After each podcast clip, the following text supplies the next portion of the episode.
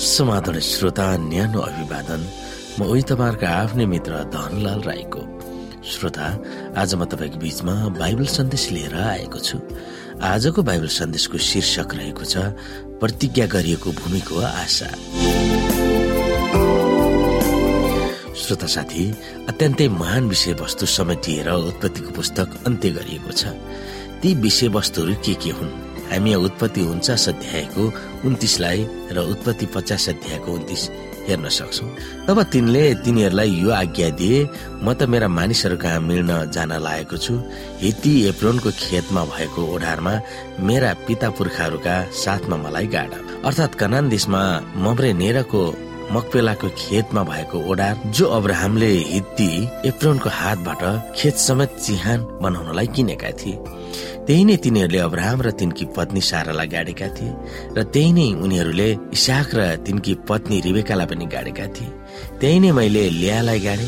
त्यो खेत र त्यहाँ भएको ओडार हित्तीहरूको हातबाट किनेको हो। छोराहरूलाई यो आज्ञा दिइसकेपछि याकुबले आफ्ना खुट्टा ओछ्यानमा पसारेर आफ्नो प्राण त्यागे र आफ्ना पिता पुर्खाहरूसँग मिल्न गए। योसेप आफ्ना बाबुमाथि घोप्टो परेर रोए र तिनलाई मै खाए तब योसेफले आफ्ना सेवामा हुने वैद्यहरूलाई आफ्ना पिताको लासमा सुगन्धित लेप मल्न लगाए। यसकारण ती वैद्यहरूले इसरायलको लासमा सुगन्धित लेप मले। त्यसको निम्ति चालिस दिन लागेको थियो किनकि सुगन्धित लेप लाउन यति नै दिन लाग्थ्यो। तिनको निम्ति मिश्रीहरूले पनि सत्तरी दिन शोक मनाए। तिनको निम्ति शोक मनाउने दिन बितेपछि योसेफले फारका भारदारहरूसँग यसरी कुरा गरे यदि तिम्रो निगाह म माथि छ भने कृपा गरी यो मेरो कुरा फार कहाँ लगिदियो? मेरो बाबुले मलाई यसो भनेर क्रिया हाल्न लाउनु भयो म मर्न लागेको छु। कनान देशमा म आफैले खनेर बनाएको मेरो चिहानमा मलाई गाड्नु यसै कारण कृपा गरी गएर मेरो बाबुलाई त्यही गाडेर फर्किआउन पाऊ। हारोले जवाफ दिए तिमीलाई उनले क्रिया हाल्न लाए बमोजिम गएर तिम्रा बाबुलाई गाड। यसैले आफ्नो बाबुलाई गाड्न यो गए।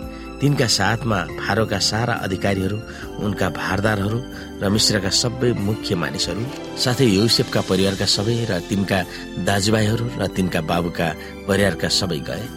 केवल तिनीहरूका बालबच्चा तिनीहरूका बगाल र बथानहरू गोसेन प्रदेशमा नै छाडिरहे। तिनका साथमा रथहरू र घोडचडीहरू पनि गए। त्यो एउटा ठुलो मलामीको समूह थियो। जब तिनीहरू हेर्दन नेरको यातायातको खलामा आइपुगे तब तिनीहरूले साह्रै अफसोस गरेर रुवावासी गरे। अनि त्यहाँ योसेफले सात दिनसम्म आफ्नो बाबुको निम्ति विलाप गरे। त्यस देशका बासिन्दा कनानीहरूले आतातको खलामा गरेको विलाप देखेर भने यो त मिश्रीहरूको भारी विलाप रहेछ। यसकारण हेर्दन नेरको त्यस ठाउँको नाउँ हाबिल मिश्रहिम राखियो। त्यो हेर्दन पारिपट्टि छ। यसरी याकुबले तिनीहरूलाई आज्ञा गरे बमोजिम छोराहरूले गरे। तिनका छोराहरूले तिनलाई कनानसम्मै पुर्याएर हित्ती एप्रोनसँग खेत समेत अब्राहमले चियान बनाउनलाई किनेको ओडार अर्थात् मम्रे नेराको मकपेलाको खेतमा भएको ओडारमा तिनलाई गाडे।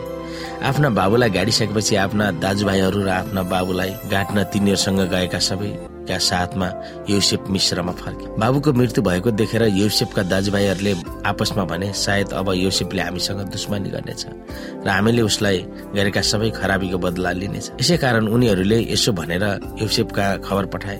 मर्नुभन्दा अघि तपाईँको बाबुले यस्तो आज्ञा दिनुभएको थियो। तिमीहरूले योसेफलाई भन कृपा गरी उनीहरूले तिमीसँग खराबी गरेमा तिम्रा दाजुहरूका अपराध क्षमा गर। अब बिन्ती छ कृपा गरी तपाईँका बाबुका परमेश्वरका दासहरूका अपराध क्षमा गर्नुहोस्। उनीहरूको यस्तो कुरा सुनेपछि योसेफ रोए तिनका दाजुहरू पनि आएर तिनका सामान्य घोप्टो परेर भने हेर्नुहोस् हामी तपाईँका दास हौ। तर योसेफले उनीहरूलाई भने नडराओ के म परमेश्वरको स्थानमा छु र तिमीहरूले मेरो विरुद्धमा हानि गर्ने विचार गरेका थियौ। तर परमेश्वरले त्यही कामद्वारा भलाइ गर्ने विचार गर्नुभयो ताकि जसरी आज भइरहेको छ त्यसरी नै धेरैजना मानिसहरू बाँचिरहन् यसै कारण नडराओ तिमीहरूलाई तिमीहरूका बालबच्चा समेत म पालन पोषण गर्नेछु। यसरी तिनले उनीहरूलाई ढाडस र सान्त्वना दिए। यौसेप र तिनका बाबुका परिवारहरू मिश्रमै बसे र यौसेप एक सय दस वर्षसम्म बाँचे। यौसेपले एफ्राइमको पनातीसम्म पनि देखे। मनुष्यका छोरा माकिरका भर्खर जन्मेका बालबच्चा पनि यौसेपकै घुँडामा राखी। तब यौसेपले आफ्ना दाजुभाइहरूलाई भने मेरो मर्ने बेला भयो। तर परमेश्वरले निश्चय नै तिमीहरूको हेरविचार गर्नुहुनेछ। र उहाँले अब्राहम इसाक र याकुबसित शपथ खाएर प्रतिज्ञा गर्नुभएको देशमा यस देशबाट तिमीहरूलाई लैजानुहुनेछ। अनि योसेफले इसरायलका सन्तानलाई क्रिया हाल्न लगाएर भने परमेश्वरले तिमीहरूको हेरविचार गर्नुहुनेछ र त्यो बेला तिमीहरूले मेरा अस्थिहरू यहाँबाट लैजानु। यसरी योसेफ एक सय दस वर्षको भएर मरेर उनीहरूले तिनको लास सुगन्धित लेप मलेर बाकसमा हालेर मिश्रमा नै राखे। श्रोत साथी उत्पत्तिको पुस्तकलाई तीन घटनाहरूद्वारा निष्कर्षमा पुर्याइएको छ। ती घटनाहरू आशाले भरिएका छन्। पहिलो त प्रतिज्ञा गरेको देशमा इसरायल फर्किनेछ भन्ने आशा उत्पत्तिको पुस्तकको लेखकले मोसाले याकुब र युसुफको मृत्यु र तिनीहरूको गाडिएको घटनाहरूले प्रतिज्ञा गरेको देशतिर औल्याउँछ भन्ने आवाज दिएका छन्। आफ्ना छोराहरूलाई आशिष दिएको र बाह्र कुलहरूको बारेमा गरेको भविष्यवाणीको लगतै आफ्नो मृत्युपछि तिनलाई कनानमै लैजान र मकपेलाको गुफामा गाड्न छोराहरूसँग अनुरोध गर्छन्। त्यस गुफामा अब्राहमकी श्रीमती सारा गाडिएको थियो। कनान देशतिर मलामी गएको विवरणले सयौं शताब्दीपछि इसरायलीहरू मिश्रबाट प्रस्थान हुने पूर्व अभ्यास भएको देखाउँछ। दोस्रोमा परमेश्वरका जनहरूलाई आइपरेको खराब र आपत्तिहरूलाई उहाँले भलोको रूपमा परिणत गर्नुहुन्छ भन्ने आशा देखाउँदछ। याकुबको मृत्यु र उनलाई चिहानमा गाडिएपछि युसुफका दाजुहरूले आफ्ना भविष्यको बारेमा सुर्ता गर्छन्। बाबु छैन अब युसुफले तिनीहरूलाई बदला लिन्छन् भनेर तिनीहरू डराएका थिए।